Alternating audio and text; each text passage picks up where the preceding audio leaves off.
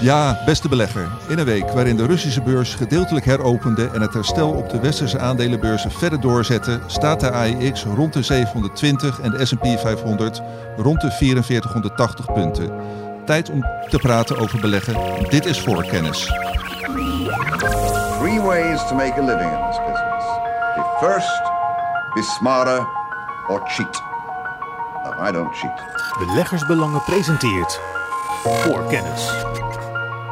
Ja, beste beleggers, leuk dat jullie weer luisteren. Uh, ik ben nog steeds Johan Brinkman en ik mag vandaag als presentator uh, Jeff Thijssen en uh, Stefan Hendriksen door dit uur heen helpen en zij mij. wij behandelen vandaag weer zoals vanouds vier zeer gevarieerde hoofdonderwerpen, waarbij zowel aandelen als obligatiebeleggers aan een trekken zullen komen. maar we beginnen weer met terugkijken naar wat ons de afgelopen week is opgevallen. En dan begin ik bij jou, Jeff. Jij wilde ingaan op ja, het inderdaad zeer opvallende herstel van de AEX. En uh, overigens ook de meeste andere westerse hoofdgraadmeters. Wat uh, kun jij daarover zeggen? Ja, ik vind het uh, inderdaad een opvallend herstel. Heel snel ook weer. Hebben we al eerder gezien in het verleden natuurlijk. ook met de coronacrisis. Maar nu ook weer een snel herstel. Dat de AX die stond afgelopen dinsdag alweer boven het niveau van ja, voor de inval in Oekraïne. terwijl ja, het het conflict uh, gaat gewoon verder. En uh, ja, tegelijkertijd hebben we ook nog de centrale banken die uh, ja, toch de rente gaan verhogen. En ja, dat ook een aantal stappen willen gaan ondernemen.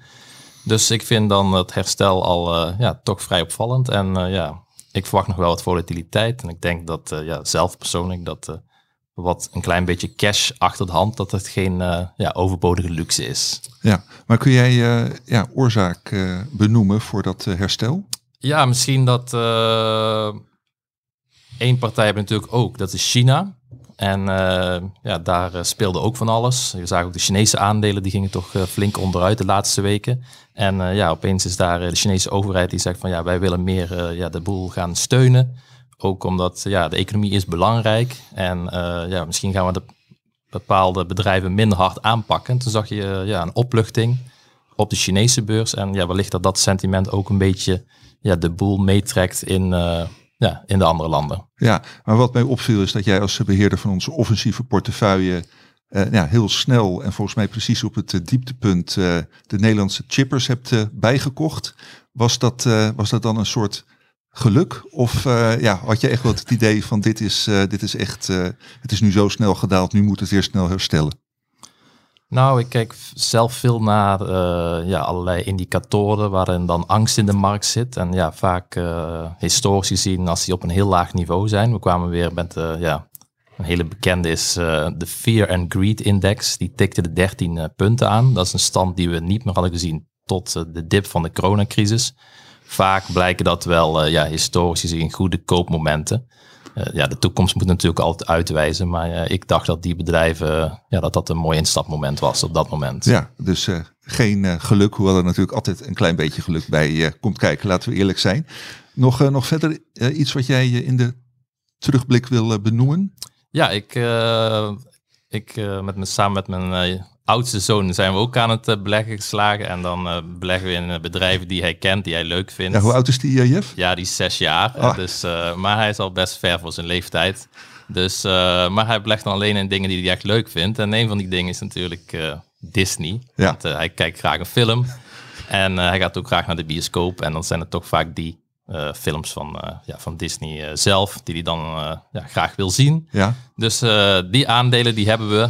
En beleggersbelang heeft ook een koopadvies. En ja, wat mij wel uh, ja, opvallend nieuws is, is dat het pretpark in, uh, in Shanghai, dat gaat op slot.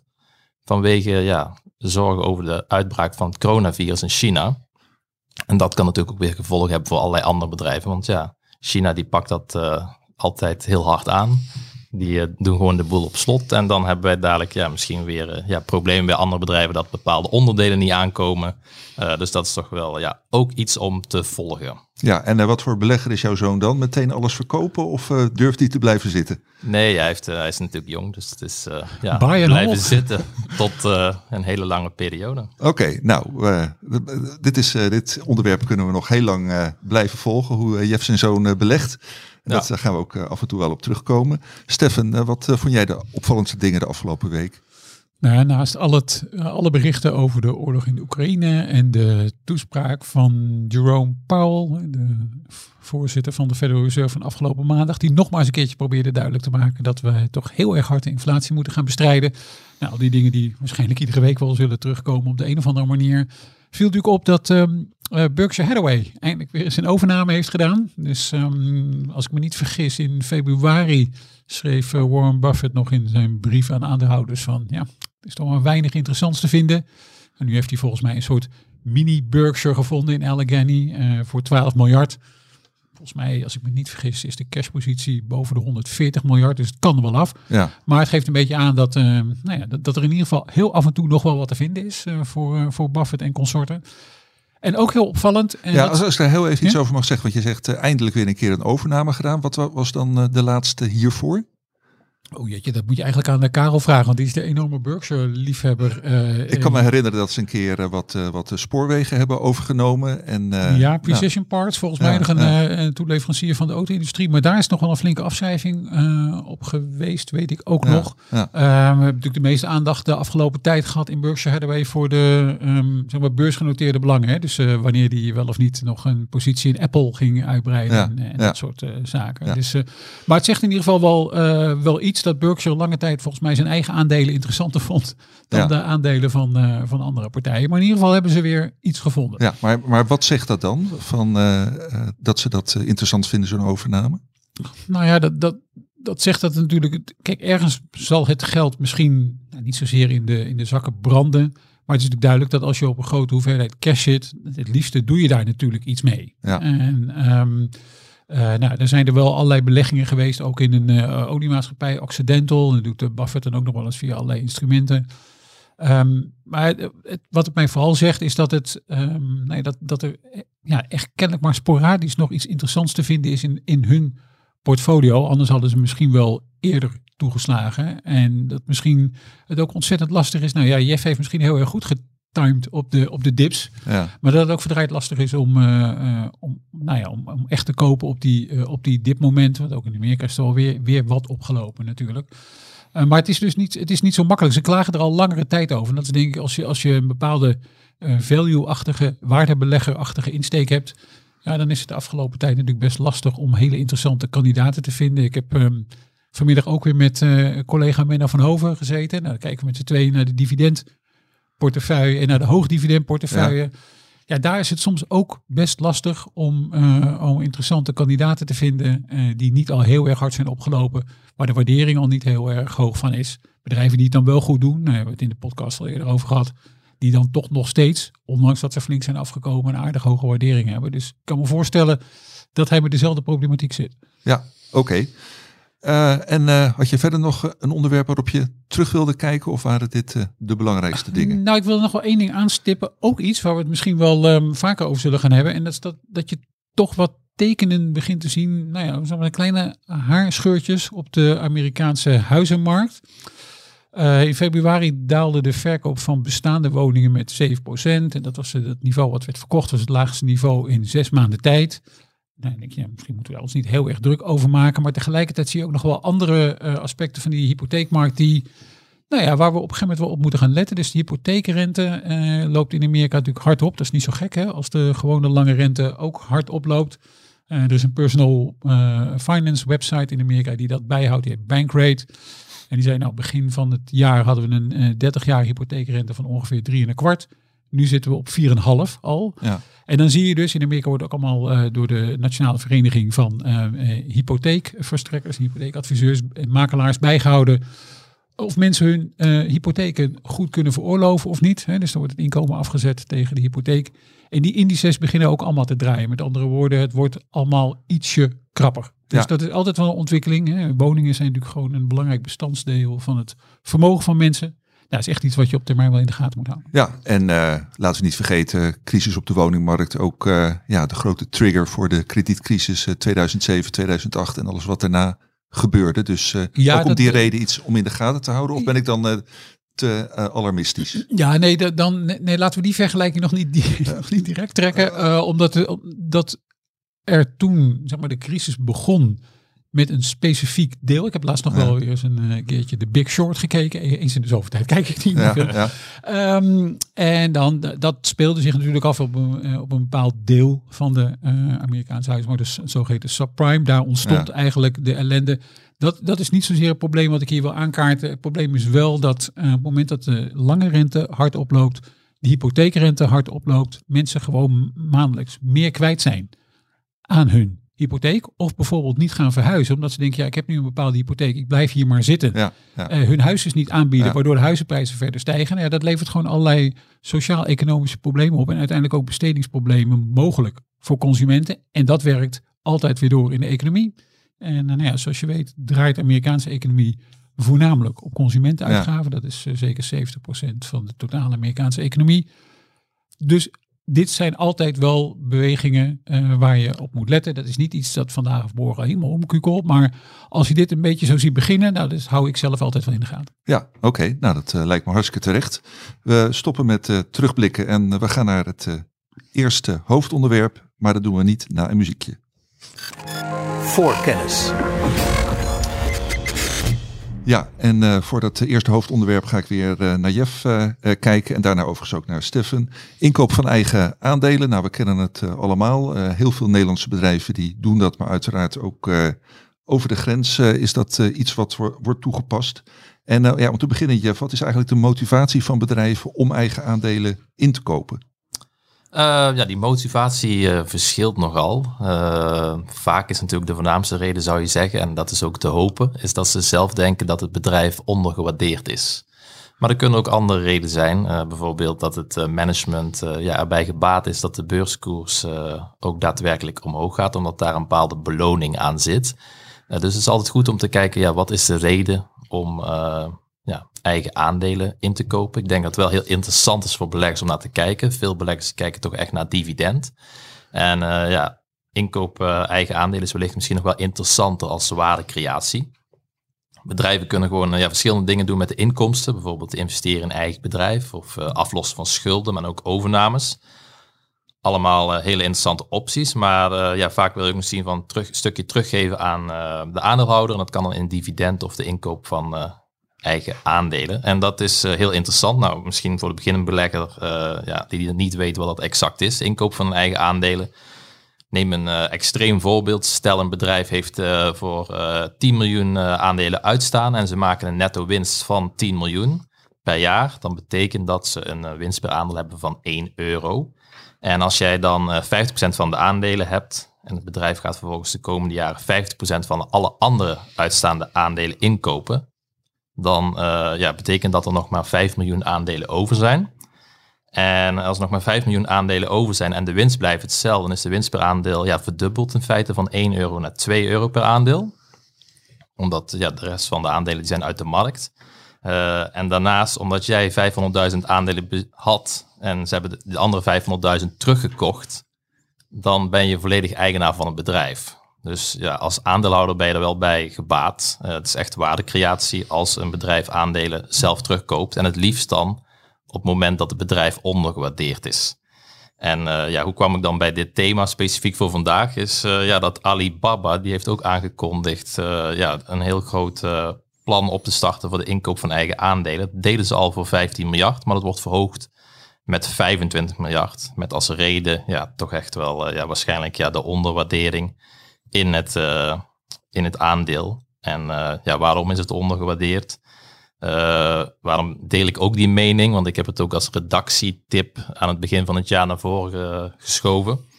Is dat ja, als je kijkt sinds de beursgang, dus zijn in 2014 zijn ze naar de beurs gekomen. Het aandeel was toen 93 dollar. En vorige week was het 73 dollar. En sinds de beursgang is de omzet gegroeid met 1400 procent. Dus ja, er zijn maar weinig bedrijven die in zo'n korte tijd 1400% omzetgroei uh, brengen.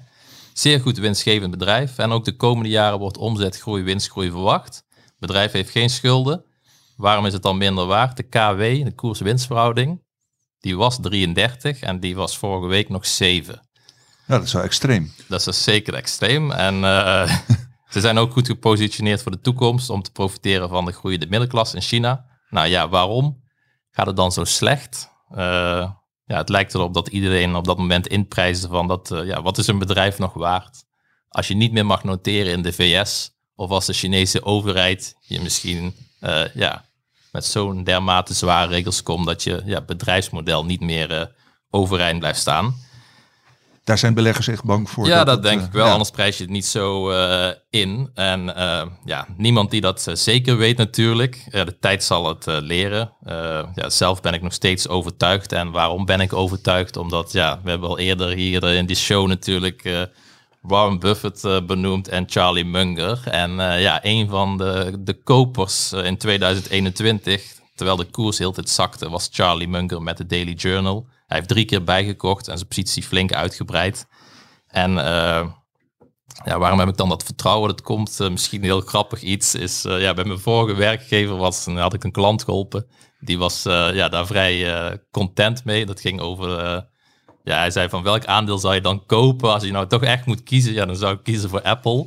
En dat heeft hij toen uh, ja, een tijd vastgehouden. Daar was hij dan heel blij mee. En toen wilde hij mij belonen met iets van, uh, ja, van iPhone of uh, in die, in die hoek. Ik zei, nou, dat heb ik niet nodig, want ik heb pas een nieuwe telefoon. Dus nou, hij had wel gezegd van, ja, hoe kom je dan op die, waarom Apple? Ik zei, nou ja, Berkshire Hathaway, Warren Buffett en Charlie Munger, die zitten vol in Apple. En dus toen had hij uiteindelijk, was hij dan met het idee gekomen om twee bronzen beelden te bestellen. Dus ik heb thuis twee bronzen beelden staan. Eentje van Warren en eentje van Charlie Munger. Die kun je ook kopen zelf bij de uh, Berkshire Hathaway Nerds uh, store volgens mij. Het zijn vrij prijzige beelden, want uh, ik heb nog eens opgezocht. Die kosten nu 2400 dollar. Okay. Dus ik zou ja, eigenlijk aanraden van ik koop eerder de B-aandelen, want die zijn 348 dollar. Ja. Maar ja, soms als ik dan iets schrijf voor beleggersbelangen, dan kijken ze over mijn schouder naar links of naar rechts. en dan is het zo van, oké, wat zou uh, Charlie Munger ervan vinden? Ja, ja. En daardoor ben ik ook nog steeds heel positief over uh, ja, Alibaba. Er zit natuurlijk een risico in. Ik heb zelf, omdat ik het als redactietip heb, heb ik ongeveer 3% van mijn portefeuille daarin zitten. Ja. Relatief klein, omdat het ver van huis is en je weet gewoon niet alles. Nee. Maar zij kopen dus fors in en ik denk dat dat zo, ja, voor, uh, voor waarde kan uh, zorgen op de lange termijn voor beleggers. Uh, ja. En ja, daarom ook het onderwerp. Ja, maar is nou het feit dat een bedrijf eigen aandelen inkoopt, dat jou betreft altijd een positief signaal? Nee, niet altijd positief, want je wil natuurlijk het liefst dat ze het kopen wanneer ja, het bedrijf een koopje is. En niet, ja, je ziet heel vaak als, ik heb één, in mijn sector bijvoorbeeld volg ik ArcelorMittal. Die hebben ook wel eens aandelen ingekocht op een bepaalde koers. Stel dat het 8 euro was. Om dan vervolgens een jaar later een emissie te moeten doen op 3 euro. Ja. Nieuwe aandelen uitgeven, omdat je krap bij kas zit. En dat er een, een crisis is ontstaan. Dus het is niet altijd positief. Maar uh, het kan wel een heel gigantisch succes zijn. En ik heb daar een, een voorbeeld van bij uit de oude doos. Ja. Dat is van Harry Singleton. dat is de voormalig CEO van Teledyne, dat is een industrieel conglomeraat. En dat bedrijf, hij was de CEO en over een periode van 27 jaar wist hij met dat bedrijf, nou het is niet een mega topbedrijf in mijn ogen, wist hij toch 20% rendement te creëren voor de ja. aandeelhouders per jaar. Hoe deed, hij, hoe deed hij dat? Nou, hij had drie kapitaalallocatiebeslissingen. Hij keerde nooit dividend uit. Dus alles ging, werd hergeïnvesteerd in het bedrijf. Ja. En hij had een focus op een gegeven moment op de inkoop van eigen aandelen. En dat ging zo ver dat hij 90% van de uitstaande aandelen had ingekocht. En uh, ja, dat betekent dat ja, er nog maar 10% van de uitstaande aandelen uh, daarna overbleef. En wat levert dat dan op? Nou ja, in die periode, elke dollar die had geïnvesteerd bij de start, ja. dat leverde 180 dollar op. Ja. En in dezelfde periode had je ook in de S&P 500 kunnen investeren. Ja. En dan elke dollar was 15 dollar waard geworden. Dus dat betekent feitelijk ja, 12 maal zo'n hoog rendement. Ja. Met ja, een vrij niet super bekend bedrijf in, in mijn ogen. Maar ja, ik ben ook niet van die tijd. Nee. Maar uh, ja, dus dat geeft wel de kracht aan van inkoop van eigen aandelen. Zeker als je dat op een moment doet ja. dat uh, ja, het bedrijf ondergewaardeerd is. En uh, het geeft ook nog een keer de kracht, want ik zag dat die, die netto winst van dat bedrijf, die was in de periode waar ik het net over had, maal 8 gegaan. Ja, de winst... welke periode heb je dan precies? Ja, het is wel een lange periode. Het is van de jaren 60 tot eind jaren 80. Oké. Okay. Maar toen was de netto winst van het bedrijf maal 8 gegaan. Maar omdat ja. ze maar in blijven kopen, in blijven kopen, ging uh, de winst per aandeel maal 46. En ja, dat toont dus dat extreme inkoopbeleid. Maar ja, dat heeft de, de beleggers zeker geen wind eigenlijk gelegd. En daarom is het denk ik altijd interessant om te kijken van ja, wat doet een bedrijf om ja, gaan ze zeg maar ja, creëren ze genoeg inkomsten waarmee ze de belegger kunnen belonen. En ik denk dat zeker ja, de inkoop van eigen aandelen heel interessant is. Ja. Deel jij die mening, uh, Steffen, dat dat een, eh, een uh, ja, interessant signaal is als bedrijven eigen aandelen gaan inkopen? Nou ja, zoals we net al besproken, afhankelijk hè, van, de, ja. voor de, van de waardering. Wat je eigenlijk hoopt, en ik heb in deze podcast al vaker Linde, producent van industriële gassen, als voorbeeld gegeven. Die hebben een heel duidelijk, wat zij dan noemen, capital allocation model. Oftewel, dat geld wat we binnenkrijgen, wat doen we daar dan eigenlijk mee? En die maken dat aan hun beleggers ook volkomen helder. Die zeggen, nou, we moeten investeren gewoon in de activiteiten die we hebben. Dan vervolgens investeren we in uitbreidingen die we moeten hebben. Dan houden we geld over. Nou ja, dan zorgen we voor een voortdurend stijgend dividend. Ja. Dan houden we nog steeds geld over. En daarmee kopen we dan eigen aandelen in. En dan heb je een heel helder, je weet precies wat dat bedrijf gaat doen. Je hebt ook andere bedrijven, bijvoorbeeld uh, recent, um, Bas F. Ja. Uh, zit in de hoogdividendportefeuille. Daar was het management ook naar eigen zeggen, want zo zeiden ze dat ook in een uh, conference call voor analisten, waar ze dan de resultaten publiceren. We waren zo gefrustreerd met de lage koers, dat we vonden we moesten maar eens een signaal geven met een aandeleninkoopprogramma. In dit geval van um, ehm, 3 miljard euro. En dat is wel behoorlijk fors.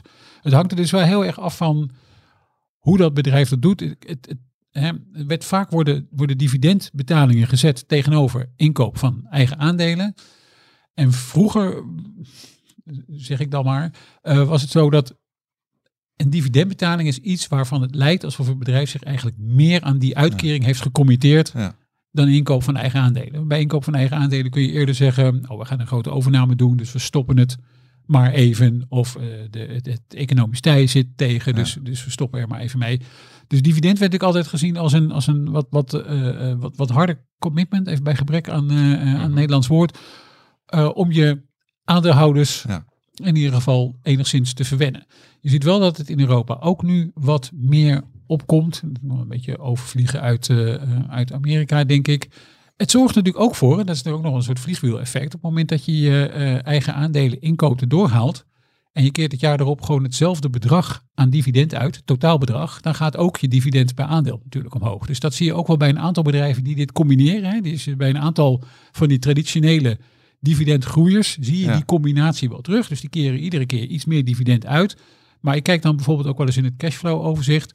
Hoeveel wordt er nou echt meer uitgekeerd in totaal aan dividend? En dan zie je dat je dat dan een beetje kan beperken op het moment dat je ook je eigen aandelen in kan kopen. Ja, uh, nou, zonder meer interessant uh, onderwerp. Dankjewel. Jeff, heb jij daar nog iets uh, aan toe te voegen of gaan we door met het volgende onderwerp? Ja, het is wel, ja, als belegger ga je toch een stukje van je vermogen toevertrouwen aan het management. En ja, ik denk dat het goed is om te kijken wat het management doet.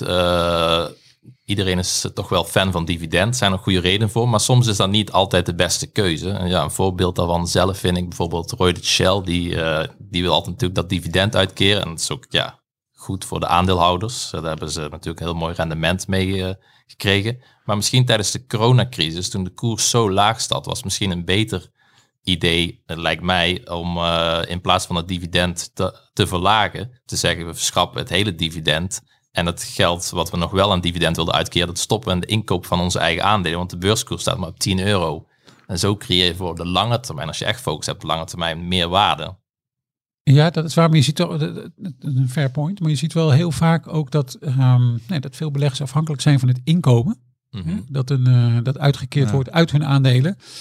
Dan kan je natuurlijk zeggen, ja, linksom of rechtsom krijg je dat wel. Want als een bedrijf aandelen inkoopt, zou de koers misschien wat omhoog moeten gaan. Dan zou je bijvoorbeeld je aandelen kunnen verkopen om zo dan dat inkomen te genereren. Het is wel wat, misschien voor sommigen wat ingewikkelde manier dan gewoon dat dividend krijgen. Dus je zag dan wel, met name toen die dividendverlagingen kwamen van bijvoorbeeld Shell en ook BP, heel veel in de Britse pers natuurlijk gewoon best wel onrust daarover. Want ja, wie zijn de grote dividendbetalers? Waar komt ons inkomen uit onze beleggingen vandaan? Nou ja, het zijn toch die aandelen. Op het moment dat die niet meer uitkeren, dan is dat voor sommige partijen natuurlijk ontzettend frustrerend. Ja, nee, inderdaad. Ja, oké. nou, uh, het laatste woord is uh, eigenlijk uh, altijd bij onderwerpen hier aan tafel nooit uh, gezegd. En, uh, maar uh, absoluut een leuk onderwerp om, om hier te bespreken. We gaan naar het volgende onderwerp. Voorkennis. Ja, Stefan, daarvoor geef ik jou het woord. Egon heeft een, een tijdperk afgesloten, liet jij mij weten. En nou, dat, dat lijkt me bijzonder interessant. Roemerig Nederlands aandeel.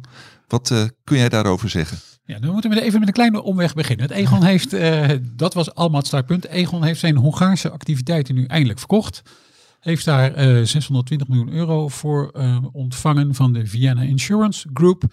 Ehm, en Egon had al 1,3 miljard aan cash in de holding. En de doelstelling van Egon was ergens tussen de 500 miljoen en de anderhalf miljard aan cash in die holding te houden.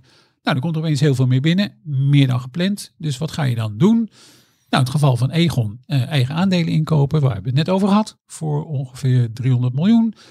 En Egon gaat nog iets doen. Die gaat namelijk ook zijn schuld terugbrengen. En eerder terugbrengen naar het niveau dan ze hadden aangekondigd. Namelijk dat zou in 2023 plaats gaan vinden. Dat gaat nu al gebeuren.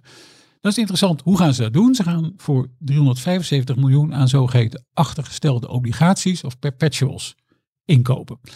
En waarom zei ik nou, ze sluiten een tijdperk af? Nou, een aantal van die uh, leningen, het, zijn, gaat om zes leningen in totaal, waar ze een deel, ze kopen ze niet in volledig terug, maar een deel van terugkopen.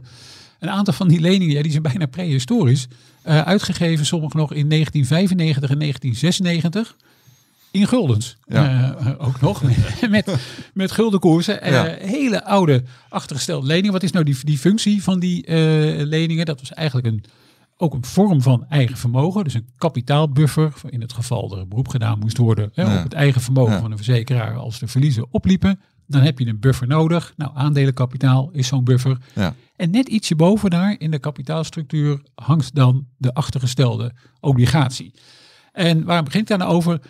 eigenlijk jarenlang heb ik me niet zo druk gemaakt over die uh, achtergestelde leningen, die perpetuals.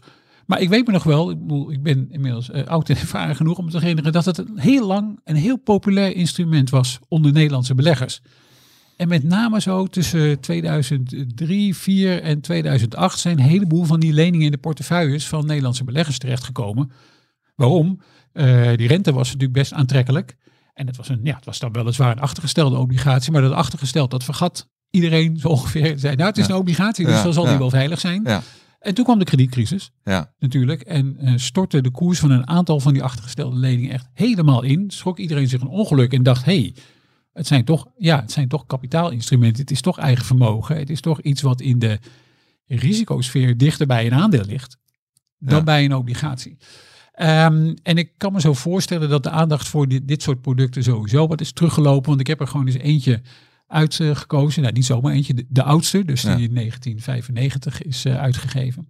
Die begon zijn leven met een coupon van 8%. Ja. maar die coupon die is gekoppeld aan de 10 lening. De rendement op de Nederlandse 10-jaarslening. Ja. Nou, dat is natuurlijk in de loop der jaren alleen maar minder geworden. Ja. Dus de formule om die coupon eens in de 10 jaar vast te stellen is het effectieve rendement op Nederlandse 10-jaarsleningen. Nou, dat is op dit moment 0,75% ongeveer. Ja. Plus 85 basispunten. Dus dan kom je ongeveer op 1,6%. Dus zo hard is dat rendement, couponrendement van die, uh, van die leningen teruggelopen. Dus ik denk dat daarom ook, uh, we krijgen er ook bijna nooit meer vragen over. Uh, het is heel af en toe heeft iemand nog zo'n verdwaalde lening in portefeuille zitten. Ja. Maar deze beginnen nu toch wel een klein beetje uh, uit te sterven. En um, ja, en Egon gaat er dus aan bijdragen. Die zijn nu begonnen met dat programma uit te rollen.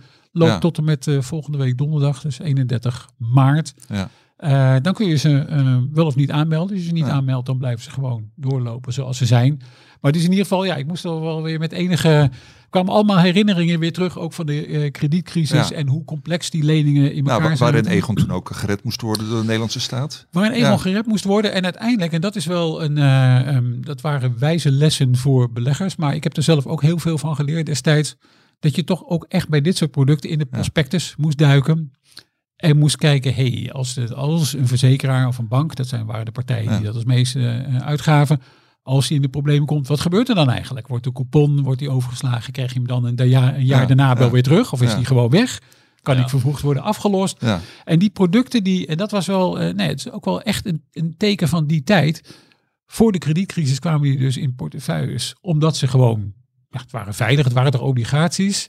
En later eigenlijk kwam het, kwam het echte karakter van die obligaties, werd pas duidelijk voor beleggers. Omdat ze dachten, nee, dit zijn eigenlijk niet echt obligaties. Dit zit gewoon meer aan tegen aandelen. Het heeft ook het risico Ja. van aandelen. En toen, eh, ja, ja, toen zijn er wel een heleboel mensen geschrokken, denk ik ook op slechte momenten hun leningen verkocht. Nou, we hebben het SNS-debakel gehad Ja, met die achtergestelde leningen. Dus ehm, het bracht mij wel weer dit bericht van Egon wel weer terug naar een, eh, een tijd ver verleden. Ja, maar, maar beleggers die nou in eh, 1995 die oudste eh, achtergestelde lening eh, hadden aangeschaft.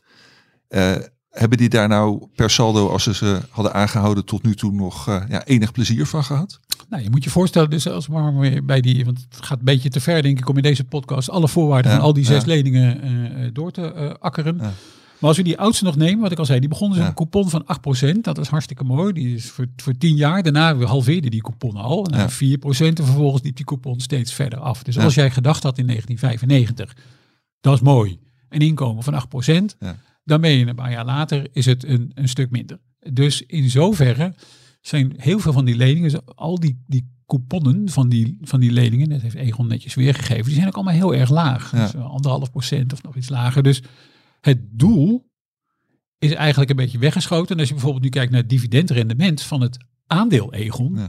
Dat is 3,7 procent. Ja, ja, Bijvoorbeeld. Ja, aanzienlijk verschil. Dus daar is, daar is meer inkomen uit te halen ja, dan uit die obligatie. Dus ja, of je er wel of niet spijt van hebt. Kijk, het probleem is natuurlijk, je hebt eh, eh, die obligatie, die koers heeft natuurlijk wel heen en weer bewogen. ja, Egon lost al die leningen niet tegen de nominale waarde af, maar net iets daaronder. ja, Eh, Egon zegt van ja, het is- zit er weliswaar onder, maar het was toch nog wel een premie op de marktprijs Ja. die, eh, eh, die er was voordat we deze aankondiging deden. En bovendien, nou ja, we verbeteren misschien ook nog eens een keertje de liquiditeit in de markt van deze eh, leningen.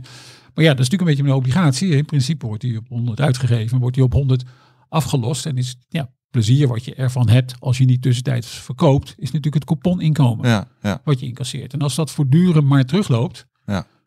ja, dan kan ik me zo voorstellen dat dat voor een aantal eh, beleggers toch wel wat eh, teleurstellende, eh, eh, eh, teleurstellende inkomensinstrumenten Ja, zijn ja.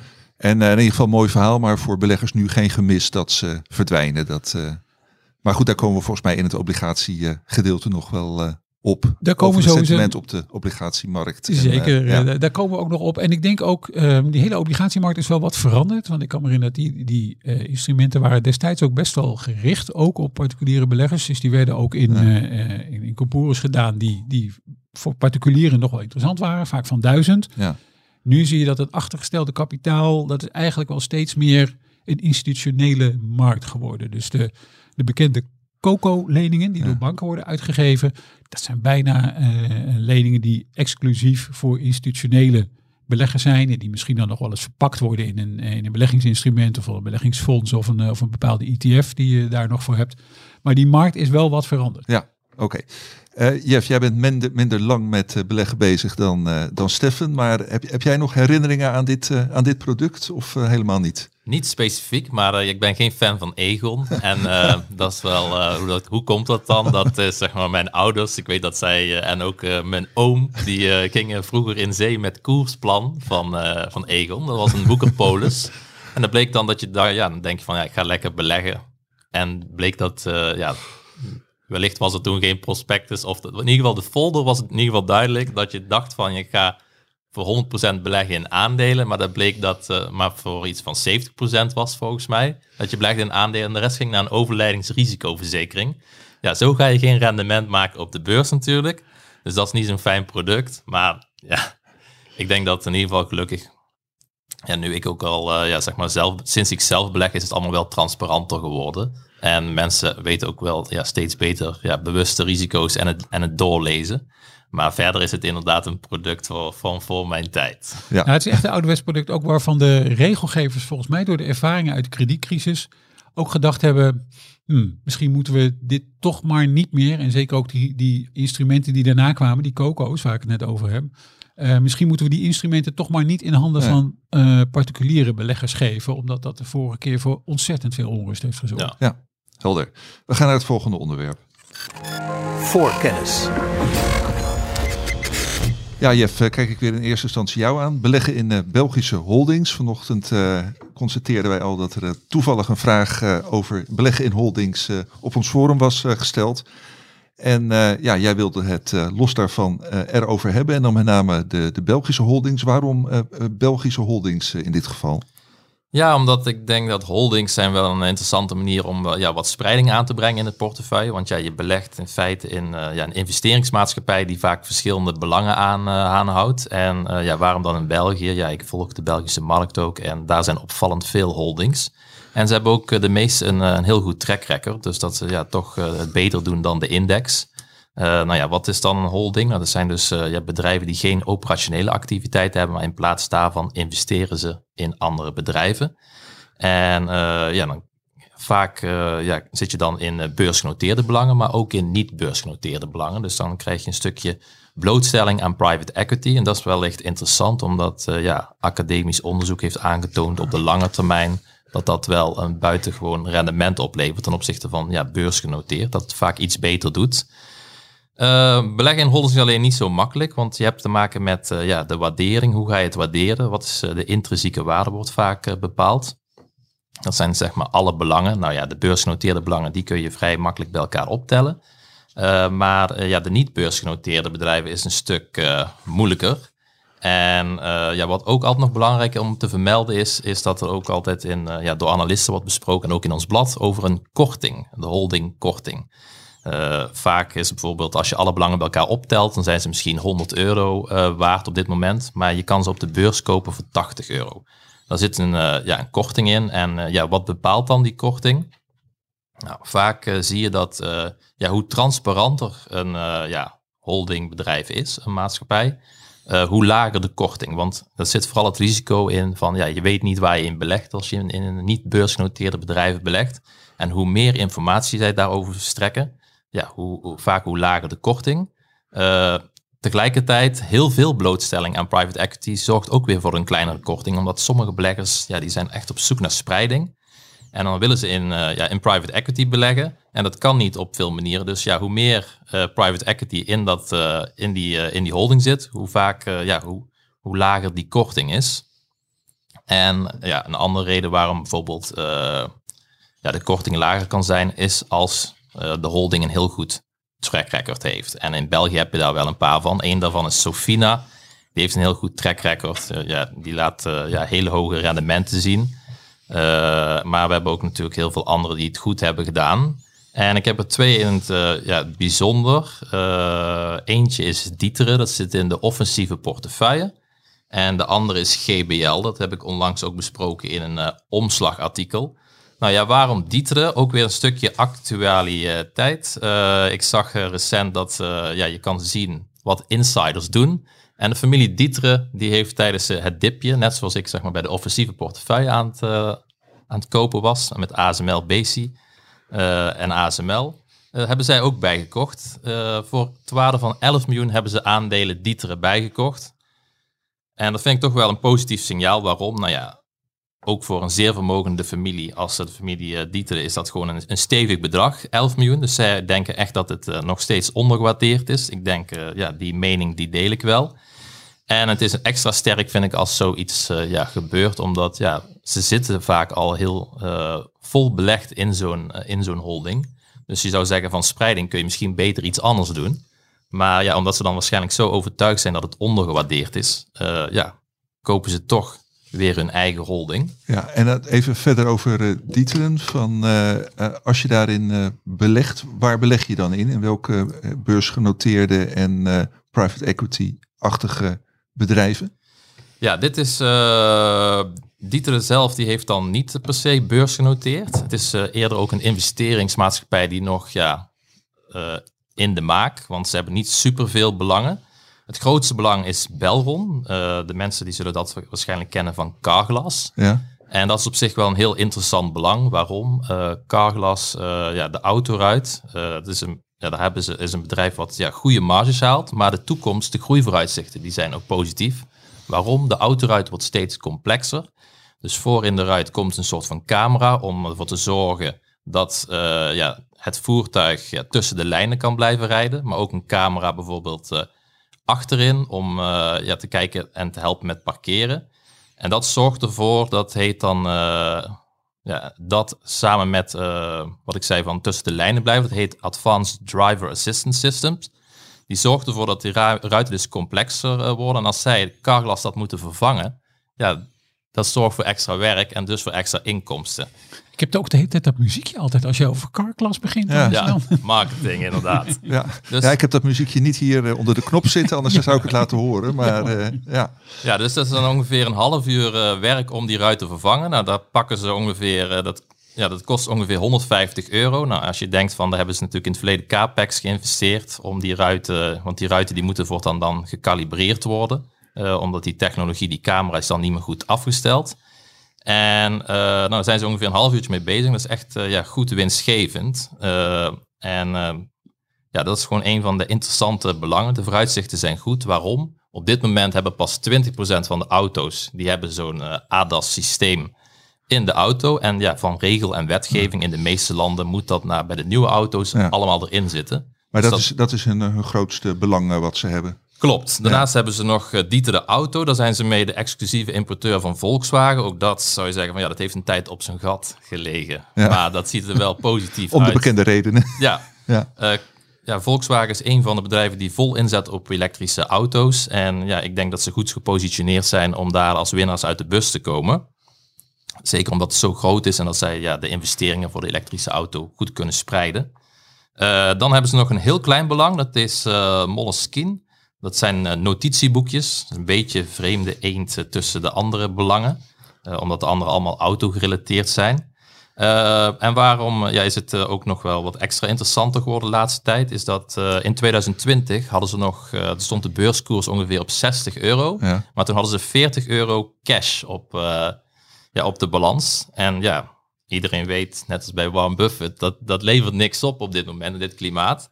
Dus ze hebben een belang uh, genomen in TVH Parts. En dat is wel een interessant belang ook, dat past er goed bij. Want het zijn reserveonderdelen voor uh, ongeveer heft, voor heftrucks en voor, de, voor tractors. En dat is een zeer gefragmenteerde markt. Dus je zou kunnen zeggen van daar kunnen ze nog gaan groeien.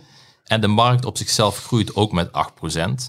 En uh, ja, dan is de vraag van, als je dat allemaal interessant vindt, dan is het de vraag van, ja, wat is het dan waard, het bedrijf? Ja, ja. Ik schat het zelf op 220 euro per aandeel. De beurskoers is nu 141, dus dat is een groot verschil. Maar bij een holding, een holding in de markt, moet je ook altijd rekening houden met een korting. Ja. En uh, ja, ik vind 20% is vaak in de markt wel een beetje wat wordt ingezet. Ja. Dus als je 20% korting daarop hanteert, dan is dat 176 euro. Uh, mensen die de grafiek gaan bestuderen van Dietrich kunnen zien dat er vorig jaar een enorme koersexplosie heeft plaatsgevonden. Ja. Waarom heeft dat, is, heeft, is dat gebeurd? Is dat uh, ja, een paar jaar geleden had Dietrich feitelijk 100% van Belron, van Carglass, bijna. En uh, op een gegeven moment hebben ze toen een gedeelte verkocht aan private equity. Die zijn toen ingestapt. En private equity blijft vaak maar ja, een paar jaar zitten, drie tot vijf jaar. Dus toen heeft op een gegeven moment heeft die private equity partij die heeft, uh, ja, besloten om een gedeelte van haar belang te verkopen aan andere partijen. Niet de minste. BlackRock en het uh, Singaporese Staatsinvesteringsfonds. Ja. En ja, die hebben daar een bepaalde waardering op geplakt uh, vorig jaar. En ja, als je die waardering zeg maar gaat kijken wat hebben zij betaald en je gaat het afzetten tegen het belang ja. dat Dieter nog heeft, dan kom je op een bepaalde waarde daarvoor. Uh, en naar mijn, ja, als ik dat zo doorbreken, dan kom ik op een waarde van 158 euro per aandeel. En dat is al meer dus dan de huidige beurskoers. Dan krijg je al het andere, zou je kunnen zeggen, er gratis bij. Dieter de Auto, Moleskine, TVA-pas. Dan is de vraag, diegenen die nu instappen, ja, ik neem aan dat ze een huiswerk hebben gemaakt. Maar zij zien dus ook heel veel groeipotentieel, anders stappen ze niet in. Maar het kan natuurlijk altijd zijn dat ze te veel hebben betaald.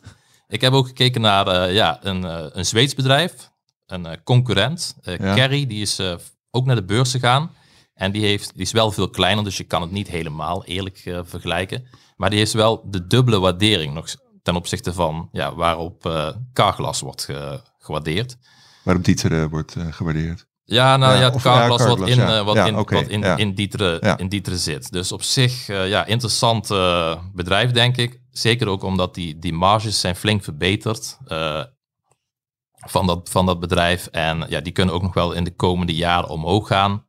Waarom? Omdat ja, die, die, Die ramen worden steeds complexer. Naast dat die camera erin zit, iedereen heeft daar een camera, daar, daar kunnen ze een betere marge op halen. Daarnaast, ja, er zijn er ook steeds meer dat de ruiten, die zijn dan meer gebogen. Uh, ze kunnen ook uh, cross-selling doen met uh, bijvoorbeeld de ruitenwissers. Oftewel, genoeg, ja, ja, en, en dit is als mooie illustratie van hoe je als belegger tegen holdings kunt, kunt aankijken. Ja, je kan kopen feitelijk met korting. Ja. dan nog wel één puntje natuurlijk, is, want recent is de koers wel wat afgezwakt. Het is niet alleen altijd maar één rechte lijn omhoog. En dat is toch omdat er even een barst in de ruit is gekomen. En, dat is uh, de traditionele flauwe grap in deze podcast. Hebben we die ook weer gehad? Ja, is dat, uh, ja, vaak zie je dat bij holdings, die zijn heel, eh, dat zijn familiebedrijven en die zijn vaak wel conservatief. Dus vaak komen ze met een bepaalde verwachting en is het altijd van uh, lage verwachtingen en vervolgens is het allemaal veel beter dan verwacht. Maar dat was dit keer niet. Omzetgroei was wel 19% in het vierde kwartaal, maar de marge was maar 15%. En wat was dan de reden? Uh, ja, ze zeggen dat ze last hebben van grondstoffen, dus van glas, grondstofkosten en marketing. En ja, dat is dan natuurlijk een beetje vreemd, want ja, als je weet dat het niet, misschien niet zo goed gaat, waarom zit je dan zo voor de marketing? Ja, natuurlijk misschien van dat reclame die niet meer uit je hoofd gaat.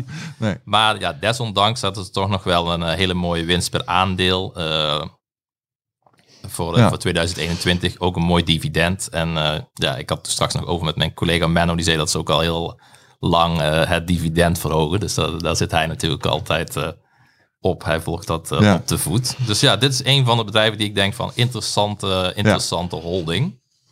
Wilde jij nog een ander bedrijf noemen bij dit verhaal? Of is dit wat jou betreft de perfecte illustratie? Nou, ik, ja, ik zou nog graag een andere erbij noemen. Ja? Dat is GBL. Er zijn natuurlijk een hele hoop. En dan ja, heb ik ook wel op het forum gezien. Ja, waarom geen Sofina, waarom geen brede rode? Waarom ben je daar dan niet enthousiast over? Ja. Dat is omdat die uh, beide nu met een premie op de beurs uh, te koop zijn, in plaats van met korting. Ja. Dus ja, ik koop liever met korting. Ja. Die korting moet je natuurlijk niet altijd zeggen van, oh ja, het is korting, dus dat gaat zeker goed komen. Nee, korting is ook voor een reden. Je betaalt voor kwaliteit. Ja. Maar uh, ja, waarom hebben uh, Brede Rode en Sofina een premie op de beurs, is omdat ze heel veel ja, blootstelling hebben aan private equity. En beleggers zijn daar op, naar op zoek voor de spreiding. Ja. Dus daarom zijn die fondsen, nou volgens mij voor corona hadden die een korting van 10 tot 15 procent. En nu zie je daar, dat daar een premie op zit. Ja. Dus mensen betalen een premie van 10 tot 15 procent. En daarom heb ik uh, recent heb ik, uh, GBL uh, beschreven. Dat ik denk dat dat een interessante holding is. Ja omdat uh, ja, die holding, die, eh, die, die zet echt in. Die, heeft, die staat met, is op dit moment met een flinke korting nog uh, te koop op de beurs. Ik moet even kijken wat de exacte korting was. Volgens mij ja, tussen de 20 en 25. Ja, tussen de 30 en 25 procent was de korting een paar weken geleden. en ik denk dat die korting ja, kleiner gaat worden. Waarom? Omdat ze echt ja, de focus zetten bij dat bedrijf om die korting eruit te gaan krijgen. En hoe willen ze dat gaan doen? Door meer private equity toe te voegen. En dat is vaak een van de redenen als je veel private equity hebt. Dat heb ik in ieder geval gezien bij andere holdings, Brede Rode en bij Sofina. Als je dat eruit weet te krijgen, uh, dus dat je meer private equity blootstelling hebt, dan gaat die korting er vanzelf uit. En uh, ja, ik denk dat dat een van de triggers kan zijn voor GBL. Een, uh, ja. een bedrijf wat ja, een holding die zit in beursgenoteerd beursgenoteerd enkele bekende namen zijn bijvoorbeeld Adidas, uh, Pernod Ricard uh, en nog een aantal zeer bekende namen die het op zich wel goed hebben gedaan, maar toch, uh, die bedrijven doen het wel goed. Dus ook gaat het goed met GBL, maar GBL blijft toch flink achter ten opzichte van die andere. Ja. En dat komt met name omdat de korting ja, een groot verschil in zit. En ik denk dat die korter kleiner kan worden. En dat heb ik in, het, uh, in een omslagartikel over Belgische aandelen onderbouwd. Nou, die uh, gaan we in de show notes zetten, dit, uh, dit artikel. Steffen, ben jij ook een liefhebber van beleggen in holdings? nee, niet, eerlijk nee, niet. nou ja, goed. Nee, niet zo. Kijk, dat komt ook een beetje door de laatste tijd bijvoorbeeld door um, Prozus. Dat ik altijd eh, zeg van ja, Prozus, je koopt met korting dan ook nog Tencent. Wat je altijd wel hebt bij, uh, bij dit soort holdings is natuurlijk ergens moet het er ook wel uh, uitkomen. En dat kan natuurlijk op twee manieren. Ofwel door een, gewoon door een verkoop van een bepaalde activiteit. Ofwel dat de onderliggende activiteiten dusdanig winstgevend zijn en groeien dat het ook naar jou als belegger toekomt in de vorm van hogere winsten en inderdaad hogere dividenduitkeringen. Als, als dat zo loopt, dan is het natuurlijk prima. Hè. Laten we wel wezen, Berkshire Hathaway is natuurlijk ook een holding van alles en nog wat aan activiteiten onder één dak. Mits goed geleid, kan dat natuurlijk ook. Maar soms als, eh, als er wordt gesteld van ah, je het iets noteert tegen een enorme korting, ja, dan is altijd mijn, mijn eerste vraag is hoe halen we die korting er dan uit? En dat was ook bij Proces. Ja, het noteert tegen een enorme korting. Ja, hoe, hoe, hoe kom ik daar dan uiteindelijk als belegger aan? aan dat, uh, hoe wordt dat gat ooit gedicht? Dus wat, wat Jeff net schetste, is op zich wel een goed punt. Ook voor, hè, voor een dietere geld natuurlijk. Dan, het is natuurlijk mooi als die korting steeds kleiner en kleiner wordt. Dat is voor jou als belegger natuurlijk heel erg gunstig. En als het ook in het geval van Dieteren naar je toe komt in, in de vorm van een almaar stijgend dividend, ja. dan is het verder ook prima. Maar het is niet dat ik, dat ik heel erg kijk of uitkijk naar, um, naar holdings of bedrijven met een tamelijk ingewikkelde structuur. Ik vind bijvoorbeeld Hal in Nederland wel interessant. En er zitten ook hele interessante bedrijven en bedrijfsonderdelen in. Ja. Maar is, ik voel zelden de noodzaak om daar heel snel in te gaan beleggen. Ja, uh, onderwerp wat jij in ieder geval wel uh, heel interessant uh, vindt wellicht niet nu, is, uh, zijn obligaties. Maar uh, daarover ga jij nu uh, meer vertellen. Dat doen we na een muziekje uiteraard. Ja, we hadden het al even over de obligatiemarkt. nou, sentiment is zeer negatief. Misschien nog wel negatiever dan bij aandelen. Maar daar wilde jij het in ieder geval over hebben. Dus vertel. Nou, dat is een interessante ontwikkeling gaan. Dus als we even puur kijken naar dit jaar en je neemt de allerbreedste aandelenindex, de MSCI All Country Index, dan staat hij dit jaar uh, op een koersverlies van 6,2% En als je nou als belegger het gevoel had gehad, oh misschien had ik, hem, is het dan goed om in obligaties te zitten. Dat is een beetje een veilige haven, die doen misschien een, een andere tegengestelde koersbeweging ten opzichte van aandelen. Dan was je dit jaar in ieder geval tot nu toe slecht uitgekomen, want de allerbreedste obligatieindex, dat is de Bloomberg Global Aggregate Index, die staat op een verlies van 6,6 procent. Met andere woorden, je hebt zowel problemen nu op de obligatiemarkt als op de aandelenmarkt. En als je dan iets verder kijkt op die obligatiemarkt, en de afgelopen dagen heb ik dat weer gedaan, en dat heeft eigenlijk altijd wel mijn interesse, er zitten er gewoon echt extreme gevallen tussen. Zoals de, um, de 100-jarige Oostenrijkse lening, uitgegeven in juni 2020. Volgens mij heeft Karel het in de podcast ook wel eens over gehad. Die lening die steeg eerst als een dolle naar, van 100 naar 139 in december 2020. En die sindsdien helemaal afgestort. is gewoon gehalveerd naar uh, eh, 65 nu in koers. En alleen al dit jaar meer dan 23% verloren. En dan nog is het effectief rendement op die lening maar anderhalf procent. Ja. Dus dan is het nog steeds zo dat je eigenlijk zo weinig verdient dat je niet eens de inflatie daarmee goed maakt. En dan moet je natuurlijk nog wel, voordat die wordt afgelost, even wachten tot uh, het jaar 2120 voor wie dat allemaal nog gaat meemaken. En elders op de obligatiemarkt viel ook heel erg op bijvoorbeeld een langlopende lening van General Motors. Dat is een 30-jarige lening. En die lening die is ook dit jaar bijna 20% gedaald. Nou heeft dat iets te maken natuurlijk met General Motors zelf. Dus je ziet dat de, dat de risicopremie, dus de vergoeding die je als belegger wil hebben hè, om een bedrijfsobligatie te beleggen in plaats van een staatsobligatie, die is wat opgelopen. Misschien wat twijfel over de financiële plannen van, uh, van General Motors. Maar zo'n obligatie die gewoon in een jaar tijd bijna 20% omlaag gaat, terwijl het aandeel ongeveer 27% omlaag gaat, geeft ook wel aan dat je dus ook daar eigenlijk geen uh, bescherming ziet in de obligatiemarkt. En dat is denk ik wel een beetje de les van dit jaar. Op het moment dat er verkrappend monetair beleid wordt gevoerd, op het moment dat de inflatie uh, gevaarlijk is, dan is dat kennelijk niet alleen heel erg onprettig voor de aandelenmarkt, maar ook voor de obligatiemarkt. En ik heb nog maar eens gekeken, um, was het vorige week dat die aan de orde kwam, uh, Johan, een van mijn favoriete jaarpublicaties. Hè? Ja, die uh, noemde je vorige week inderdaad. Die noem, ja, noem ik gewoon deze week nog een keer. Okay. Het, het, Credit Suisse Global Investment Returns Yearbook. Waarin dus uh, een aantal Britse economen, wat ik vorige week vertelde, hè, de data bijhoudt van alle financiële markten vanaf 1900.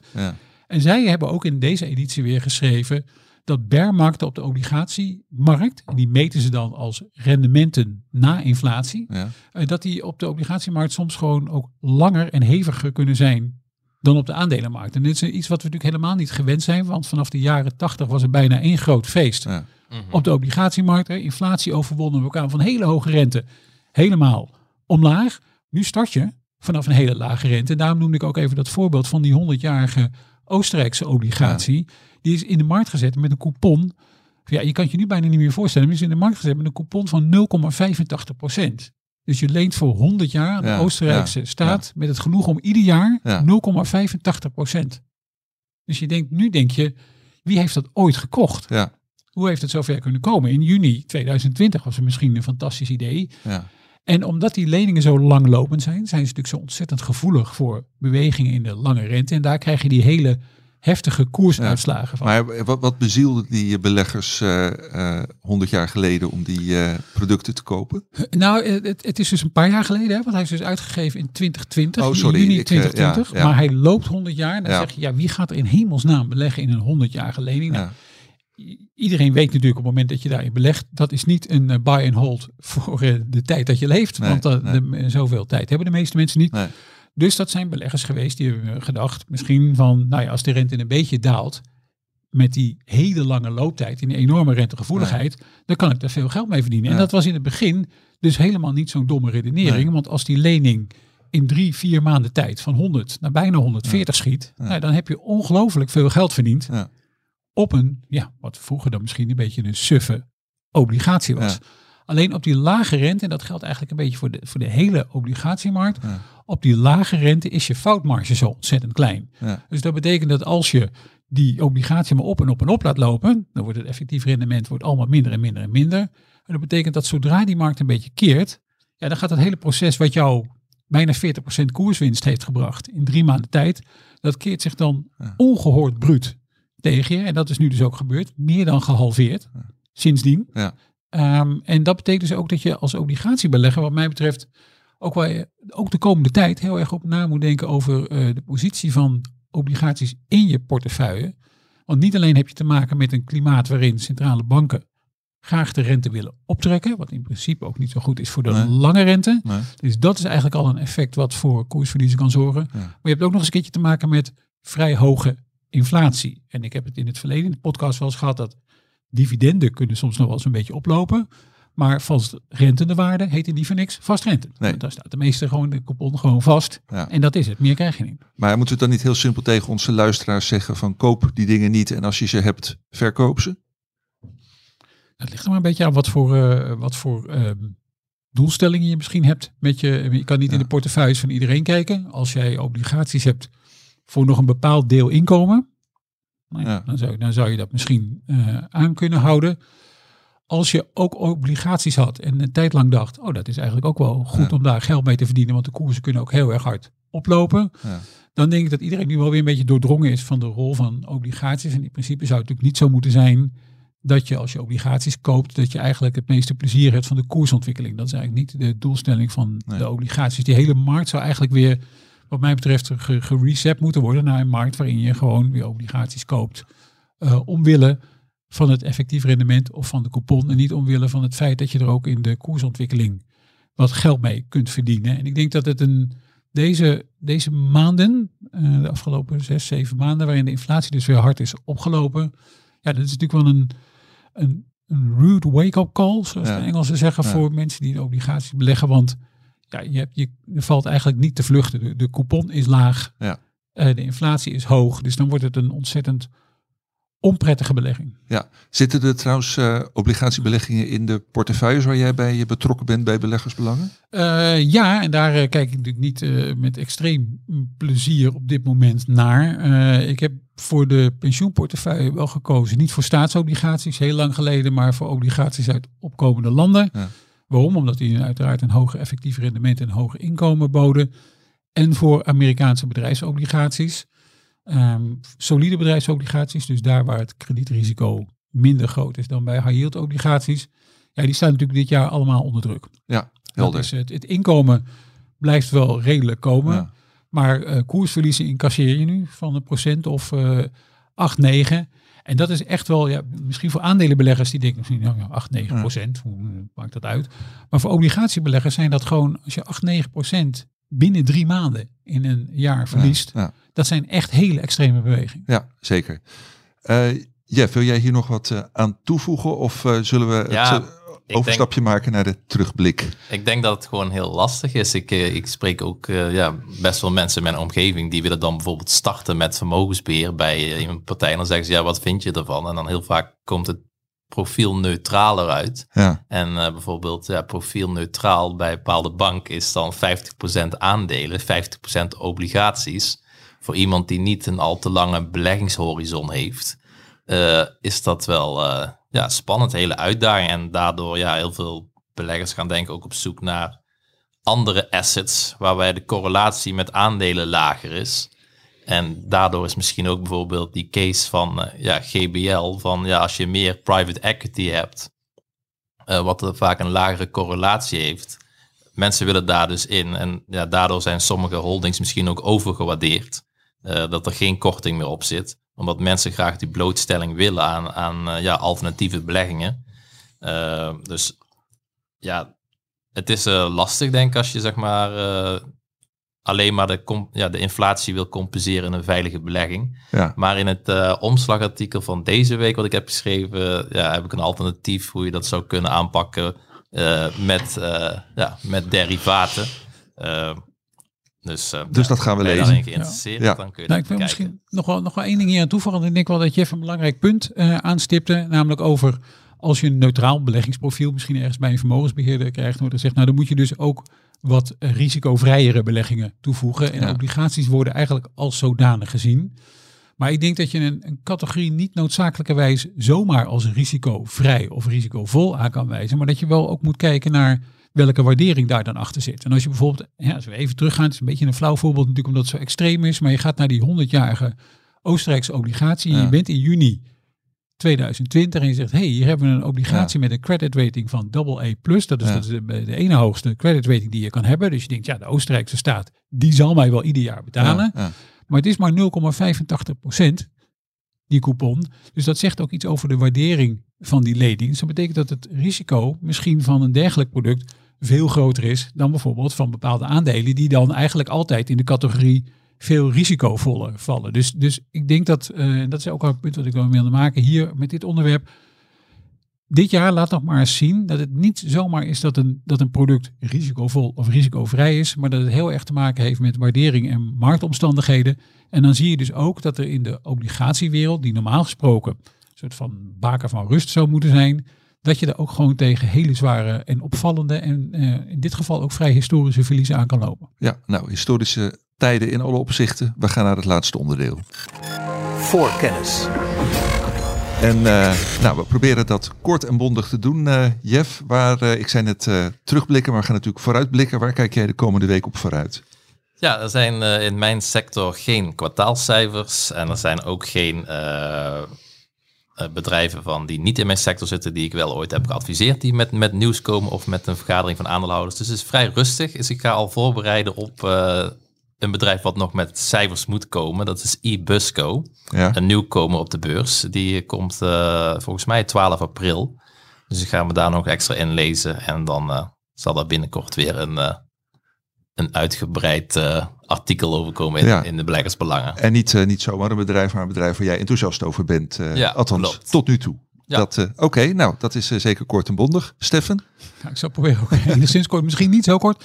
Eh, twee dingen waar ik wel naar uitkijk. We hebben natuurlijk niet zo heel veel gehad over de eh, oorlog in de Oekraïne, maar uiteraard speelt dat nog wel. En ook speelt dus de vraag, moeten wij in het Westen nog wel eh, Russisch eh, gas en Russische olie kopen? En dan zie ik met name in Duitsland, ik lees veel Duitse pers, daar toch wel best wel veel nervositeit over. De Duitsers zeggen, ja, we kunnen eigenlijk helemaal niet zonder. En tegelijkertijd zie je dat vanuit Amerika, die natuurlijk wel zonder kunnen, Ja. er behoorlijk wat druk wordt uitgeoefend op West-Europa om daar toch iets mee te doen. Dus ik ben heel erg benieuwd hoe dat allemaal gaat aflopen. Want volgens mij is, eh, reist eh, Joe Biden, de Amerikaanse president, nu Europa rond. Ja. En het tweede is volgende week ook ehm, inflatiecijfers. Daar hebben we het vorige week natuurlijk heel erg uitgebreid over gehad. En aanstaande donderdag komen de inflatiecijfers zoals ehm, eh, de, de, de favoriete inflatiemaatstaf van de Federal Reserve. Dus daar eh, kijkt denk ik ook wel iedereen met eh, aandacht naar uit. Ja, oké. Nou, super. Het wordt weer een spannende week op de financiële markten. Ik eh, dank Steffen en Jeff eh, voor hun eh, inspirerende woorden. En eh, ja, u luisteraars voor het eh, luisteren. En eh, gewoon tot volgende week. Dag. Voorkennis.